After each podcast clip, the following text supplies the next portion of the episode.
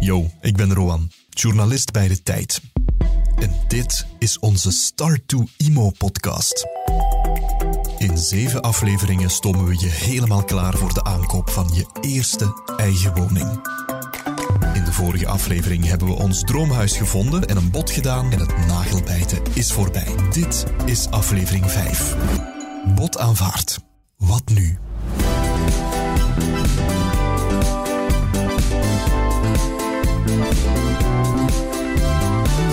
Het voelde voor die eerste aankoop? Spannend, absoluut. Het voelt wel goed om dat proces volledig alleen te doorlopen. Ik denk dat het niet eenvoudig is als je daar weinig kennis over hebt om alles zomaar te volgen. Ik kan enkel maar aanraden om inderdaad goed je huiswerk te maken. Maar in mijn ogen kan iedereen dat wel eigenlijk leren. Maar ik denk dat het ook belangrijk is om ook te beseffen van hé, hey, ik weet er eigenlijk gewoon niks van en dat je dan eigenlijk hulp vraagt. Hulp van mijn adviseurs, de bank, de notaris. Je vriendenkring of bij je familie te horen of iemand ervaring heeft met de aankoop van een woning. Er komt heel veel bij kijken, maar uiteindelijk is het allemaal wel waard. Het is eigenlijk zoals een lief vinden. Je moet er maar één vinden. En dan zij de settelde. Yes, de verloving is al een feit. Maar nu moet je met je lief nog naar de kerk en het gemeentehuis. Het bod is aanvaard, maar wacht. Dat huis is nog niet van jou. Er zijn een paar essentiële stappen die je eerst nog moet zetten. Volgens de wet en ook volgens de best practices. Maar bij wie moet je nu dan nog langs gaan? Wat moet je daar gaan doen? We gaan het allemaal eens duidelijk oplijsten, zoals altijd met alle do's en don'ts. Want opnieuw, wij hebben je huiswerk al voor jou gemaakt. En wij, dat zijn ik en de man met wie we ons huis hebben gekocht in aflevering 4. Dag Dirk Zelleslag. Dag Rowan. Nog altijd expert van onze netto-redactie bij de tijd. Dit is in zekere zin al een soort finale aflevering. En Dirk, ons bod is aanvaard, maar de woning is nog niet van ons. Daar gaan we nu voor zorgen. Wat is de eerstvolgende stap? De eerste stap is het opstellen van een compromis. Dat is eigenlijk een bindende overeenkomst. En wat staat daarin? De identiteit van de koper en de verkoper, de beschrijving van de woning, de prijs, het voorschot, de waarborg, het nog te betalen saldo, eventueel ook informatie over stedenbouwkundige bepalingen enzovoort. Mm En ook wel opschortende voorwaarden. Het kan zijn dat je je lening bij de bank niet krijgt. Op die voorwaarden zal de verkoop niet doorgaan. Ja, en dat is dan natuurlijk ook wat je wil als kandidaat-koper. Hè? Want verder heel vervelend scenario, maar ja, net als bij het bod zelf, zonder die opschortende voorwaarden zou het nog veel vervelender worden. Dus het wordt ook wel de verkoopovereenkomst genoemd en wordt samen met de makelaar en anders de notaris opgesteld. Belangrijke stap dus voor de officiële akte. Voor velen is het al een beetje een spannende halve finale. De compromis opstellen, dat was allemaal heel nieuw voor ons. Het was niet zo complex. In normale omstandigheden gaat dat relatief gezien vrij vlot, want ja, een verkoper wil verkopen. En dan hebben we die gewoon ondertekend in afwachting van de akte. Tekenen op zich is ook heel interessant, is een interessant proces. Op zich met de compromis liep dat zogezegd van een fluitje van een cent, maar leek dus achteraf gezien dat het dus wel degelijk onzeker was dat het toch ging lukken. Ook dat zorgt wel even voor een stressje van, hebben we het nu gekocht? staat nu op papier, kunnen ze het niet meer aan iemand anders verkopen. Omdat het een heel oud huis was, waren er zo wat erfdienstbaarheden. Dan kwam ook nog boven dat er een voorkooprecht was. Dat wil zeggen dat eigenlijk onder andere de stad Antwerpen en zelfs de Vlaamse overheid, die mochten eigenlijk zeggen van nee, nee, nee, wij kopen die woning. Ja, voorkooprecht, dat is wanneer een bepaalde partij, als een woning op de markt komt, het recht heeft dat als eerste te weten en ook als eerste te kopen. Erfdienstbaarheden, dat is dan weer wanneer er bijvoorbeeld paden of leidingen door jouw eigendom lopen die ook andere mensen mogen gebruiken. Heel niche allemaal, hè. Maar uh, ja, zo'n dingen, als ze op dit punt nog niet zijn opgedoken, dan komen ze dus bovendrijven bij het compromis. Mm -hmm. Gaat een aankoop altijd gepaard met een compromis, Dirk, of kan het ook op een andere manier? Wel, bij een compromis ligt alles dus definitief vast, vooral wie de koper en de verkoper is. En de verkoop vindt eigenlijk meteen plaats bij de ondertekening van het compromis. Ja. Maar er is een andere mogelijkheid, want misschien wil je vooral snel op een opportuniteit ingaan en pas later uitmaken wie de feitelijke koper is. Dat kan bijvoorbeeld een vennootschap zijn die, die, die van jou is. En in dat geval kan je gebruik maken van een wederzijdse aankoop- en verkoopbelofte. Mm -hmm. Dat is een soepelere overeenkomst dan een compromis waarin nog bepaalde elementen kunnen worden aangepast. Dus vooral ja, wie dan de koper is. De eigenlijke verkoop vindt in dit geval pas plaats bij de ondertekening van de akte bij de notaris. Uh, dus in tegenstelling tot het compromis, waar eigenlijk de verkoop onmiddellijk plaatsvindt bij de ondertekening van het compromis. Oké, de aankoopbelofte is dus een nog iets soepelere, minder bindende versie van het compromis. En dan zei Peter in aflevering 3 dat ik op dit punt, na het tekenen van het compromis, ook nog eens een laatste keer naar de bank moet. Hè? En dat wordt dan eigenlijk het zal hebben met de bank. Wel, dat is zeker niet onbelangrijk, omdat je daar definitief gaat bepalen ook met welke bank je in zee gaat. Je hebt voorwaarden opgevraagd bij verschillende banken. Je kan nog eens een rondje doen en zien of je keuze definitief is. Mhm. Heb je dan uiteindelijk gekozen, dan wordt het contract voor de hypothecaire lening ondertekend. En ja, dan is het geld ter beschikking. Wat je moet weten is dat een aankoop doorgaans niet in één keer gebeurt. Normaal gezien wordt er een voorschot gevraagd. Meestal ja, gaat dat over uh, zo'n 10% van de aankoopprijs. Het restant wordt dan betaald nadien bij de notaris als de akte wordt verleden. Ja, er is dus meestal een voorschot. Uh, waar moet ik dat storten dan? Recht bij de verkoper? Nee. Wat de storting van dat voorschot betreft, dus die, die 10%, is het belangrijk om ja, die niet rechtstreeks op de rekening van de verkoper te zetten. Waarschijnlijk is dat een bona fide iemand, maar je weet maar nooit. Je geld staat op een rekening van iemand die je eigenlijk niet kent. Man of vrouw vertrekt met de noordelijke zon en het geld is verdwenen. Maar specifiek hiervoor, voor het storten of voor het parkeren van, van zo'n waarborgen, bestaat er wat men noemt een derde rekening. Een rekening die specifiek daarvoor geopend wordt door de notaris of eh, door de vastgoedmakelaar.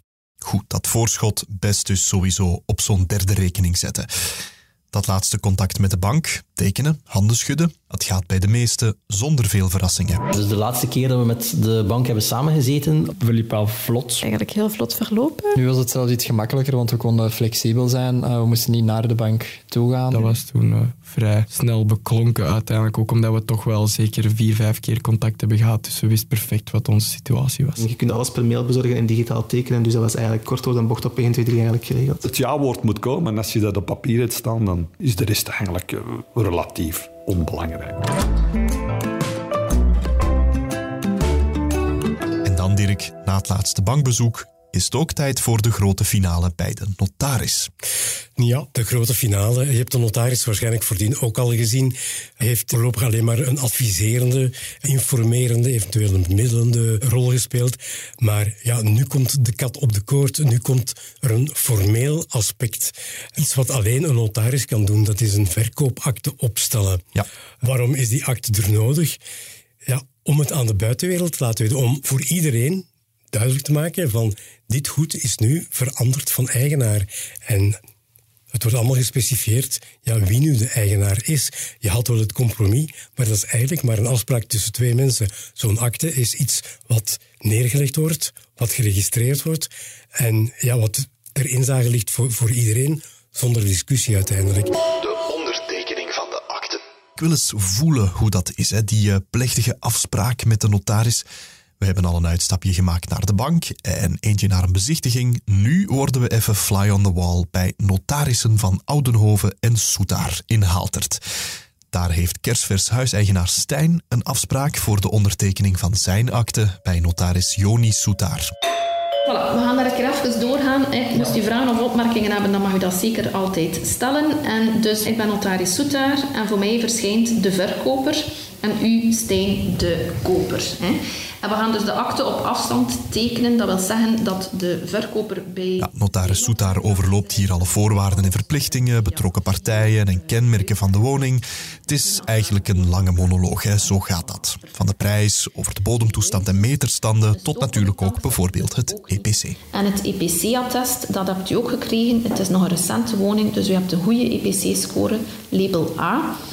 Um, dus u zal niet meer moeten renoveren. Hè. En zoals we ons herinneren van bij Petra in aflevering 2, is dit natuurlijk ook het pijnlijke moment waarop de notariskosten en registratierechten betaald moeten worden. Je weet het nog, hè? voor die laatste betaal je voor je eerste eigen woning wel sowieso niet de volle pot.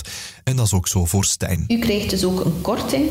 Het normale tarief is 12%, maar u koopt aan 3%. Waarom? U koopt de totaliteit van die woning en u verklaart dat u geen andere eigendommen bezit. Daarbovenop moet u er binnen de drie jaar uw adres zetten, maar dat gaat geen probleem zijn. U doet dat volgende week, dus dat is in orde. En dan is er natuurlijk nog de grote som, het aankoopbedrag zelf. U hebt dat ook allemaal betaald, dus dat geld staat op mijn rekening. Ik ga de verkoper betalen. Want ja, zo werkt het dus. De notaris dient als tussenpersoon. De kosten, niet zo'n leuk stukje. Hè? Sommigen houden daarom niet zo van die akte-ondertekening. Maar tegelijkertijd word je ook eigenaar. En dus is dit toch wel een fijn, plechtig moment. En dat vinden anderen dan weer net wel heel leuk. Iedereen beleeft dat moment dus anders. De akte, daar kwam wel nog best wat meer bij kijken. Het is impressionant bij de notaris aanwezig zijn. En je voelt je heel opgelucht als het voorbij is. Dat was misschien nog het minst aangename, dat notarisbezoek. Maar dan, als een compromis is getekend en dan natuurlijk de akte officieel bij een notaris, dat geeft wel een supergoed gevoel. Hè. Zeggen Dirk, ook de timing van die akteondertekening is belangrijk. Hè? Dat mag niet te lang op zich laten wachten. Ja, binnen de vier maanden na de ondertekening van het compromis moet de akte ondertekend worden door de partijen, hè, verleden, zoals het dan heet. En ja, je moet hier nog altijd, ondanks de digitale wereld waarin we leven, fysiek langs gaan bij de notaris. Ja. En dan is de akte ondertekend en dan is de woning na vier maanden nu eindelijk van jou. Yes, en dan is nu ook voor Stijn tijd voor het grote moment. Voilà, dan denk ik dat ik u alles uitgelegd heb. Dan hoop ik vooral dat dat duidelijk was na die uitleg. Hè. En dan kunnen wij na voorlezing en toelichting samen tekenen. Ja. Goed? Yes. Dus u mag hier een parafje plaatsen, alsjeblieft. Ja, en dan telkens dus bij mijn rode zegel. Nog eentje. Ah, super, dank u wel. En dan ga ik dat ook tekenen. En dan mogen wij u feliciteren met de aankoop. Voilà, zie. Dank u wel, alsjeblieft. Ik ben Stijn, ik ben 27 jaar en ik heb juist mijn eerste huis gekocht. Ja, het is spannend inderdaad. Mijn eerste huis, is veel geld, maar het is ook wel een goede investering sowieso. Dus uh, het gaat wel tof zijn. Ondertekening zelf niet speciaal, dat is een handtekening zetten, maar het is gewoon het idee van dat ik nu effectief mijn eigen huis heb inderdaad. Ik dat een paar keer in, uh, rond sowieso een beetje drogen ook erover. Dus nu is het de eerste paar maanden uh, kijken hoe dat het huis ga inrichten enzovoort. En dan effectief alles kopen en alles regelen en dan wordt mijn stakje helemaal. Het is spannend sowieso. Zo klinkt een gelukkige kerstverse huiseigenaar. Akte ondertekend, ze is nu dus echt van jou, die eerste eigen woning. Maar wacht, is er nu nog iets wat ik zeker niet mag vergeten, Dirk?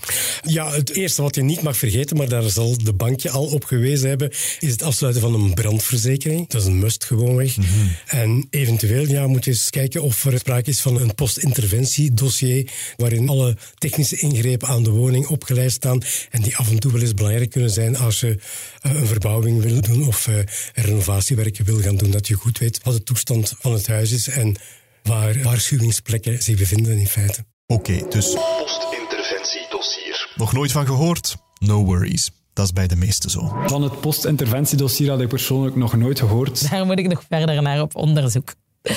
Stap voor stap. Nu, een postinterventiedossier is een wettelijke term, maar de inhoud is niet wettelijk bepaald. Dus een postinterventiedossier kan bij spreken drie bladzijden zijn, of dat kan drie mappen eigenlijk zijn. Het dossier dat we gekregen hebben bij de aankoop van ons huis was echt wel een heel grote ringmap. Zo'n groot dossier dat ze dat op een USB-stick aanleveren. Zeer lijvig. En voor een leek gelijk ik en gelijk vele mensen bijna onleesbaar.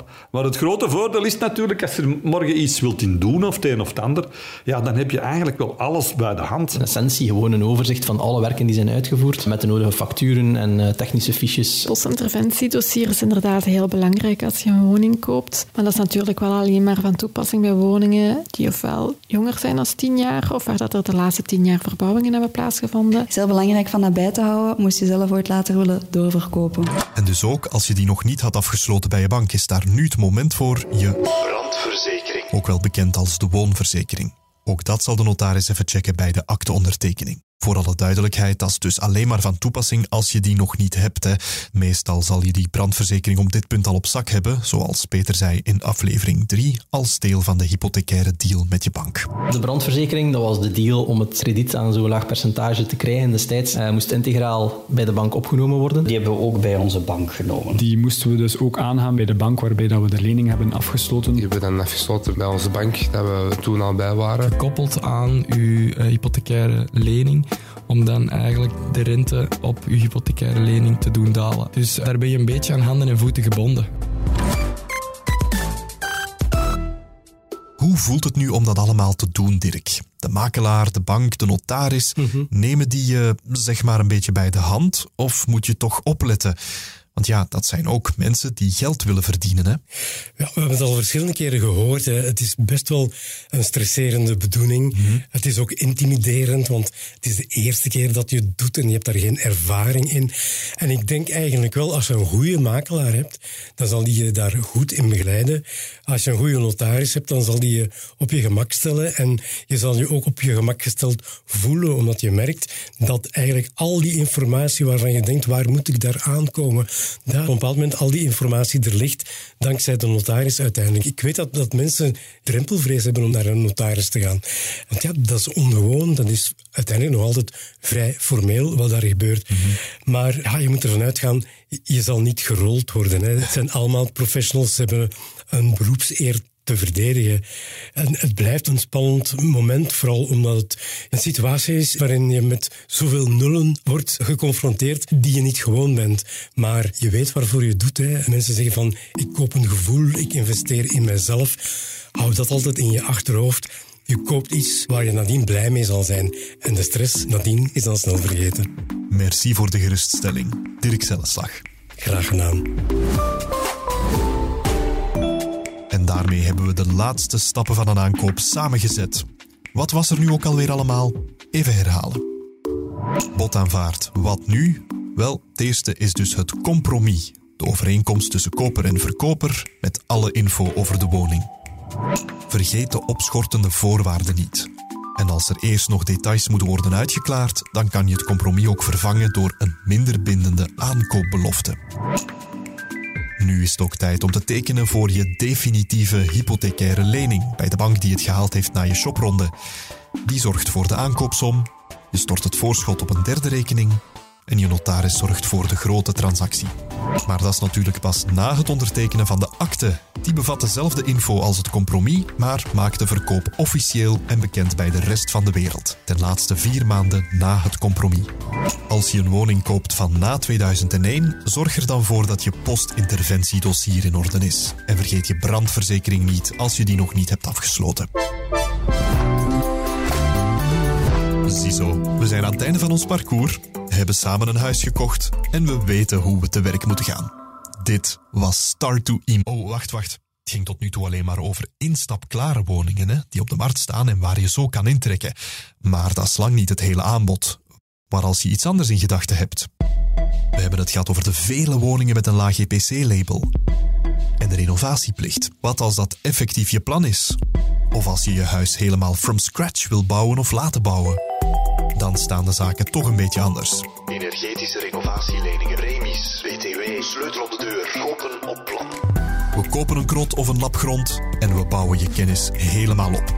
In aflevering 6 van Start to Imo. Bouwen en renoveren.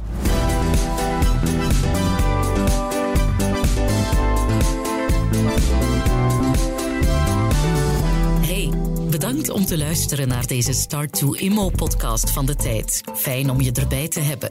Abonneer je gerust op dit kanaal en een rating geven, dat helpt ons ook erg vooruit.